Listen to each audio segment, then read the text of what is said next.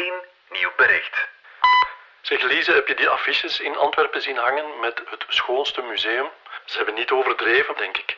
Het is echt prachtig geworden. We hebben het er later nog over. Dag. Ik ben Lise Bonduel en van de Standaard is dit Radar. Je wekelijkse cultuurpodcast. Radar.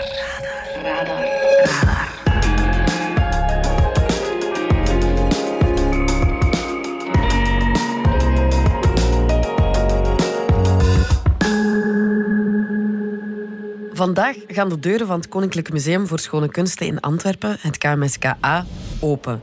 Na elf jaar gesloten te zijn voor renovatie. Het resultaat is volgens onze cultuurredacteur Geert van der Speten... Aha-moment zo. Hè. Ik kan niet anders dan zeggen uh, wauw. Ja, wow. Het gebouw is volledig gerenoveerd, de collectie is uitgebreid en de beleving van het museum is compleet veranderd. En één keer binnen sta je paf. En ook Radar is terug na een kleine renovatie. Dit is de eerste radar van het nieuwe seizoen. Welkom bij Radar. Radar. Radar. Radar. Radar.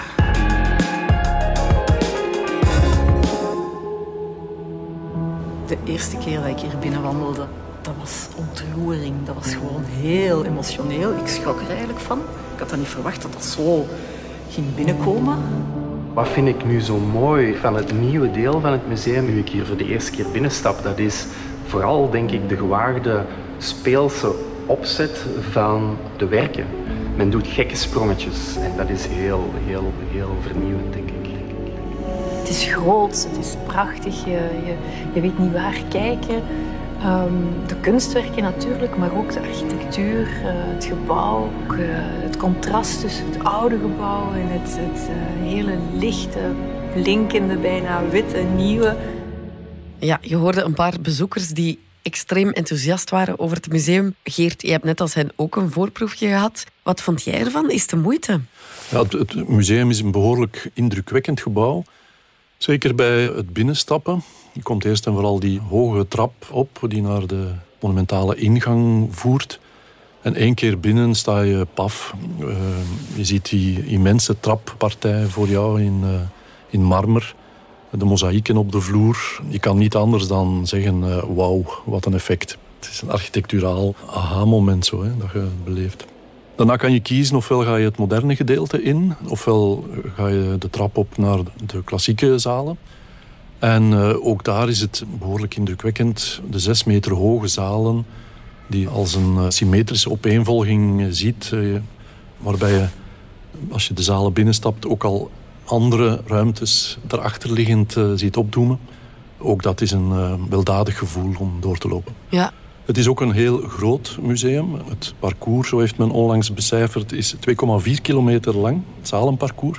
Het zijn 50 zalen. En vooral ook, uh, dat is natuurlijk de, de troef, het is niet alleen gerenoveerd, maar ook uitgebreid. Er is een nieuw gedeelte aan toegevoegd. Oké. Okay. Hebben ze er dan een gebouw bijgezet? Nee, er is sprake van een inbreiding eerder dan een uitbreiding. Het museum telde vier binnentuinen, patio's, die ondertussen ook al overdekt waren geraakt. Maar daar heeft men dus als een soort van lucifersdoosje een nieuwe gedeelte ingeschoven. Ah, ja. Met het resultaat dat het een heel uh, verticaal en hoog uh, nieuw gedeelte is. Het is ook een wereld van verschil met het oude gedeelte. Het oude gedeelte is keurig gerenoveerd en, en opgeknapt. Het heeft prachtige zichtlijnen van, van zaal tot zaal, een symmetrische opeenvolging van zalen. Maar vooral, het ziet eruit zoals ja, je zo'n oud museum je voorstelt. Hè, met roodfluwelen zitbanken die terug uh, op hun plaats zitten, een krakende parket. En ook de, de kleuren zijn terug authentiek. Dus je ziet geen witte muren waar de schilderijen aan bevestigd zijn, maar men heeft gekozen voor olijfgroen. Ah, ja. Pompeiaans rood, verwijzend naar het, uh, het rood van Pompeii.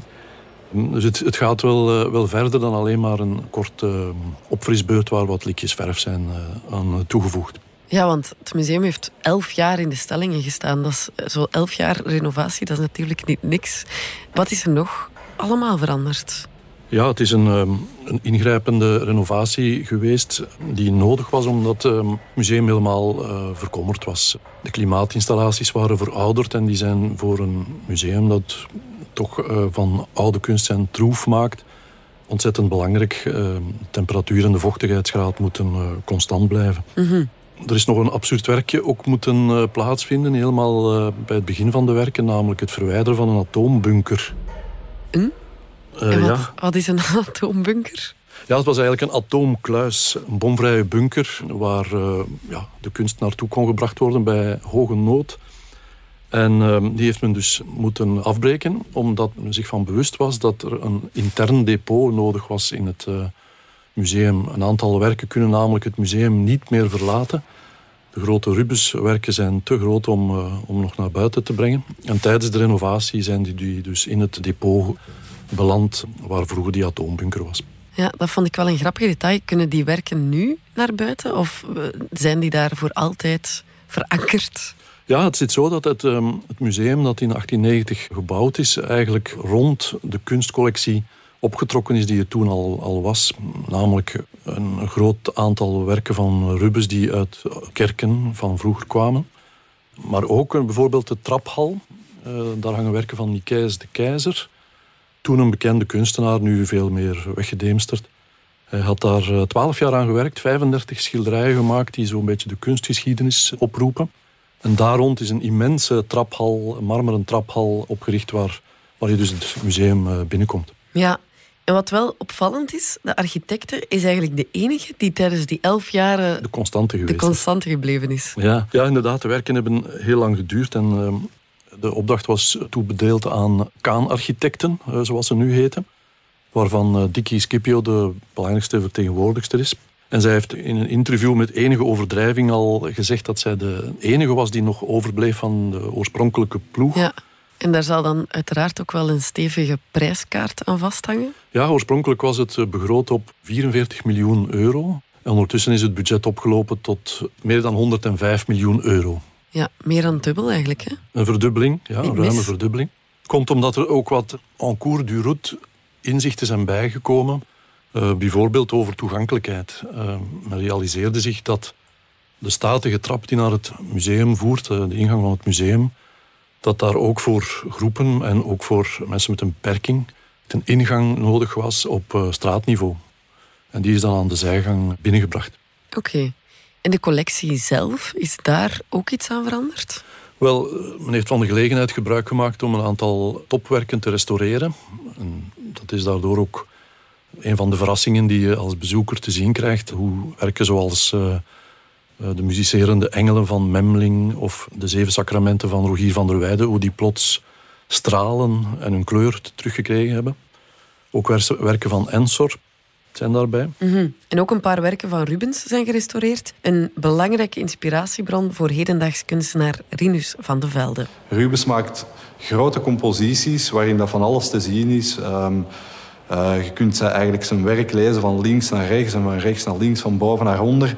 En alles lijkt alsof dat net tot stilstand is gekomen. Hè. Het is eigenlijk een beetje zoals dat je naar een film zit te kijken en op de pauzeknop duwt. En verder hebben ze ervoor gekozen om de werken niet meer eh, te tonen op een klassieke manier, chronologisch geordend eh, per stijlrichting, maar eerder thematisch. Ah ja. En dat is best aardig gelukt. Er zijn mooie ensembles gemaakt waar af en toe ook een hedendaags werk kan infiltreren. Uh, Om een voorbeeld te geven, een van hun uh, topstukken, de Madonna van Fouquet. De Madonna van Fouquet is een magisch schilderij. Dit is de Antwerpse modeontwerper Dries van Noten. Het blijft inspireren. Elke keer als je er naar kijkt, zie je andere dingen. En als ontwerper voel ik me een beetje een spons. Dus elke keer als ik dingen zie, neem ik kleine druppels ervan op. Een schilderij, een film, muziek, al die elementen komen echt eigenlijk samen in die spons. En als ik moet ontwerpen, dan wring ik die spons uit. En dan krijg je dus echt die mengeling van al die indrukken. En de Madonna van Fouquet is er ongeveer elke keer bij. Hangt in een zaaltje met andere uh, bekende Madonna's. Een kleine zaal waar de, de werken echt tot hun recht komen.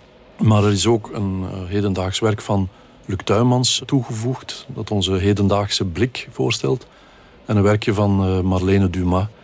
Je kan het niet echt een Madonna noemen, maar het, het, het is ook een manier uh, waarop men tegenwoordig de vrouw in de kunst uitbeeldt. En waarom hebben ze ervoor gekozen om de werken thematisch te presenteren? Het is denk ik iets meer van deze tijd om clusters te vormen en ook te laten zien dat thema's uh, terugkeren. Het lijden bijvoorbeeld is altijd een heel sterk religieus thema geweest. Nu wordt dat iets opengetrokken ook. Een bekend type van kunstwerk is de man van Smarten, dus de, de leidende Christus die wordt uitgebeeld. En ehm, daar hangt nu ook een werk van Berlinde de Bruikere. Ah, ja. Eh, een, een sculptuur van haar die ook de leidende mens voorstelt. Ja. Mooie parallel. ja.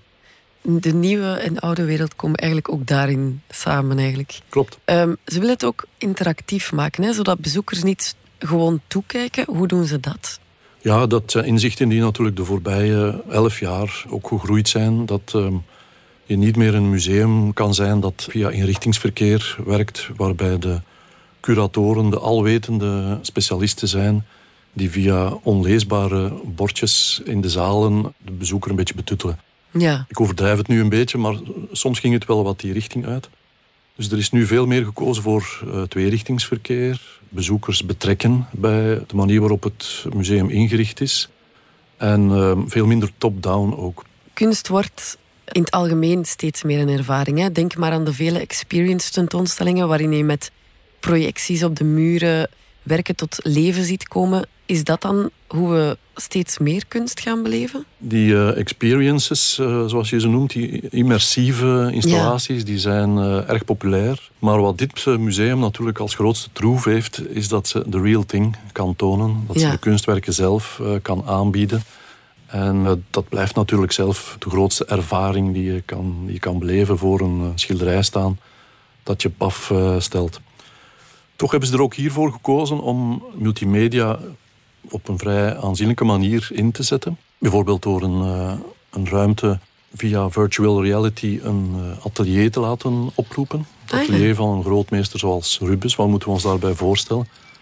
Dus dat gebeurt met een uh, VR-bril. Je duikt dan in zo'n bedrijvigheid van een atelier.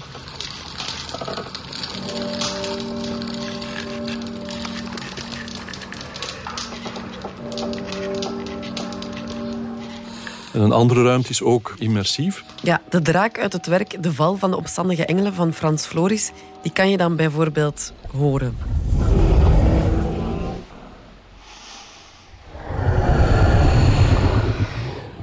Voilà, of een groeiende plant op Abraham Janssens Scaldis.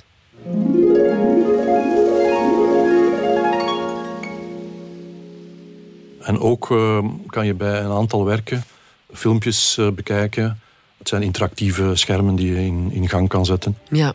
En is het KMSK op die manier ook future-proof? Kunnen we op tegen grote musea in Londen of Parijs? Ja, ze hebben natuurlijk een bijzonder grote stap gezet. En ze pakken hier ook uit met een, een echte schatkamer. Ze bezitten de bijzonderste collectie van kunst uit Vlaanderen. Ja. Van de laatste zeven eeuwen, kan je zeggen. Weliswaar met een minder aandeel voor uh, moderne kunst en hedendaagse kunst.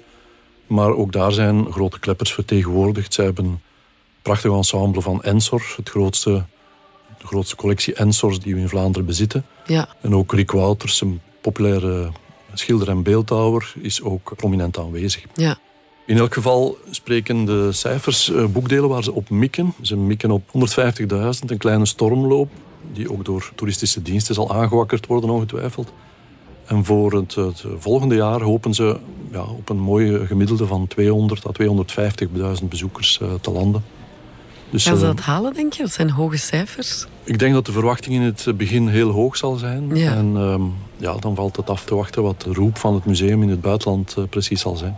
We gaan er even uit voor heel goed nieuws. Radar. De dagelijkse routine kan je batterij doen leeglopen. Maar voel je dat? De energie die je krijgt van een intrigerende expo of een stormend concert. De Standaard opent het cultuurseizoen met accu en deelt 16 dagen lang gratis cultuurtickets uit voor de boeiendste cultuurhuizen. Laat jezelf op met de beste concerten, dans en theater, tentoonstellingen en nightlife van het moment. Krijg je gratis cultuurtickets nu in DS Nieuws, de nieuwsapp van de Standaard. Met de steun van de all Mazda CX-60, de eerste plug-in hybride van Mazda. Radar. Nu, de heropening wordt een groot feest, maar erna volgen er serieuze gesprekken met minister van Cultuur Jan Jan Bon. Want er komt misschien een fusie met andere musea. Ja, dat was nieuws dat uh, deze zomer opdook. Hoewel het eigenlijk al een, een plan is van enkele jaren geleden. Een, een haalbaarheidsstudie die toen werd doorgevoerd om de kunstmusea van de Vlaamse gemeenschap nauwer samen te brengen. Het gaat dan om KMSKA, schone kunsten, MUCA, hedendaagse kunst, en het museum in Oostende. Het uh, museum dat vroeger een provinciaal museum was en nu bij de Vlaamse gemeenschap hoort. Ja. Ik denk dat het, um, het laatste woord nog niet gezegd is over die plannen. Er circuleren alvast een aantal scenario's. En die gaan van een drastische fusie, dus echt wel een, uh, het bijeenbrengen van de drie, tot een vergaande vorm van, van samenwerking. Mm -hmm. Is dat dan goed nieuws of eerder slecht nieuws? Het, uh, het, is in elk geval ingegeven door een besparingsoverweging. Maar natuurlijk, de verschillende instellingen zelf zijn echt op hun hoede. Vooral het uh, museum in Oostende wil niet graag als een buitenpost van ja. Antwerpen gezien worden. Dus uh, daar zullen zeker nog gesprekken over nodig zijn om, te ver om verder te gaan. Maar goed, dat is alleszins voor na de opening. Wat staat er allemaal op het programma van het openingsweekend nu dus? Ja, het is echt een festival. Dat vindt plaats binnen en buiten het museum. Het wordt gedragen voor een groot deel door uh, de, de, ambassadeurs die het museum de voorbije tien jaar al aan het werk gezet heeft. Die komen uit verschillende geledingen, um, podiumkunsten, uh, popmuziek, hip-hop, noem het op. En uh, ze zijn vertegenwoordigd. En dus er volgen enkele optredens uh, op een podium voor het museum met echte headliners, zoals Too Many DJ's op uh, zaterdag en het zesde metaal op zondag. Ja, dat zal echt een feest worden. Ga je zelf nog eens langs? Zeker. Uh, ik heb um, het genoegen gehad om een soort van sneak preview te krijgen toen het museum nog, toen, toen de afwerking nog volop bezig was. De werken hingen er al, dus ik had een mooie impressie van hoe het er ging uitzien. Maar wat ik graag nog eens zou doen, is uh, niet onder begeleiding deze keer, maar is helemaal op mijn eentje dwalen door het museum. Want ik denk dat dat ook een van de verrassingen kan zijn, uh, dat je verdwaalt door de zalen en plots voor een werk staat dat je neerbliksemt en dat je helemaal niet verwacht had. Geert van der Speten, dankjewel. Graag gedaan. En ik heb hier nog een extra cultuurtip voor jou. Radar. De tip komt deze week van Philip Dieles, chef cultuur. Wat is jouw tip? Moon Age Daydream, een geweldige nieuwe documentaire over David Bowie door Brad Morgan. En waarom? Het is een bad van sound en vision, om een nummer van David Bowie te citeren. Je wordt ondergedompeld op een heel associatieve wijze in decennia carrière en leven. En vooral muziek van een allround kunstenaar. Je ziet hem als acteur, als schilder, maar vooral als muzikant. En het is zo inspirerend.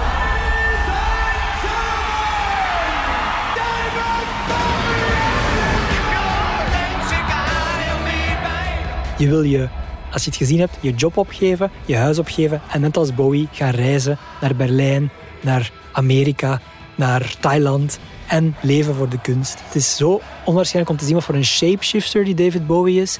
Uh, hoe hij speelde met gender. And how about the shoes? Are those men's shoes or women's shoes or bisexual shoes? They're shoes, shoes, silly. Met allerlei muziekgenres. Van zijn Berlijnse periode tot zijn commerciële periode tot de laatste jaren voor zijn dood. Hij is altijd relevant gebleven, altijd vernieuwend. En die documentaire Moon Age Daydream weet dat echt te vatten. Moon Age Daydream loopt nu in de cinemazalen. Mis hem niet, je moet het echt op groot scherm zien. What's your fantasy? Oh, Bowie. Bedankt voor jouw bijdrage. Thanks for the tip. Radar. Radar. Radar. Voilà, ik hoop dat je ervan genoten hebt. Dit was Radar, de wekelijkse cultuurpodcast van de Standaard. Alle credits vind je op standaard.be-podcast. Merci om te luisteren en uh, tot volgende week.